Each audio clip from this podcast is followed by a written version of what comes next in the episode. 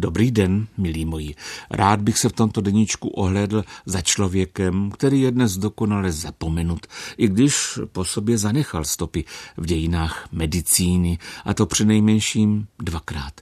Jednak je v učebnicích mediků zmiňován jako objevitel původce očního infekčního onemocnění, takzvaného trachomu, který je dodnes nejčastější příčinou infekčního oslepnutí. Jako vojenský lékař zjistil při výzkumu tyfové horečky na Balkáně jejího původce, který byl totožný s mikroorganismem popsaným několik let předtím doktorem Rikecem a byl také příčinou smrti obou věců.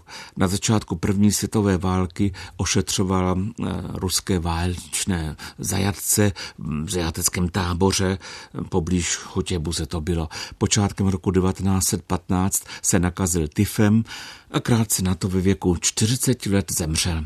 Na počest dvou vědců se původci skvrnitého tyfu vnitrobuněční paraziti jmenují Rickettsia provazeky. Takže dnes se věnují Stanislavu Provázkovi.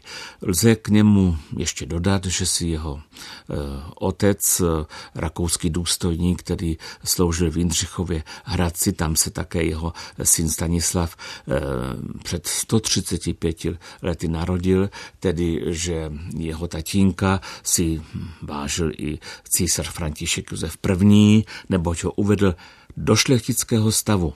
Pochopitelně, že si tehdy musel zvolit nějaký šlechtický přídomy. Sice žádný hrad, zámek, palác, ba ani tvrz nevlastnil, ale vymyslel si, že se bude psát z Lanova, tedy po německu von Lanov. On se silný provázek totiž může vyskytovat jako lano, takže odtud provázek z Lanova.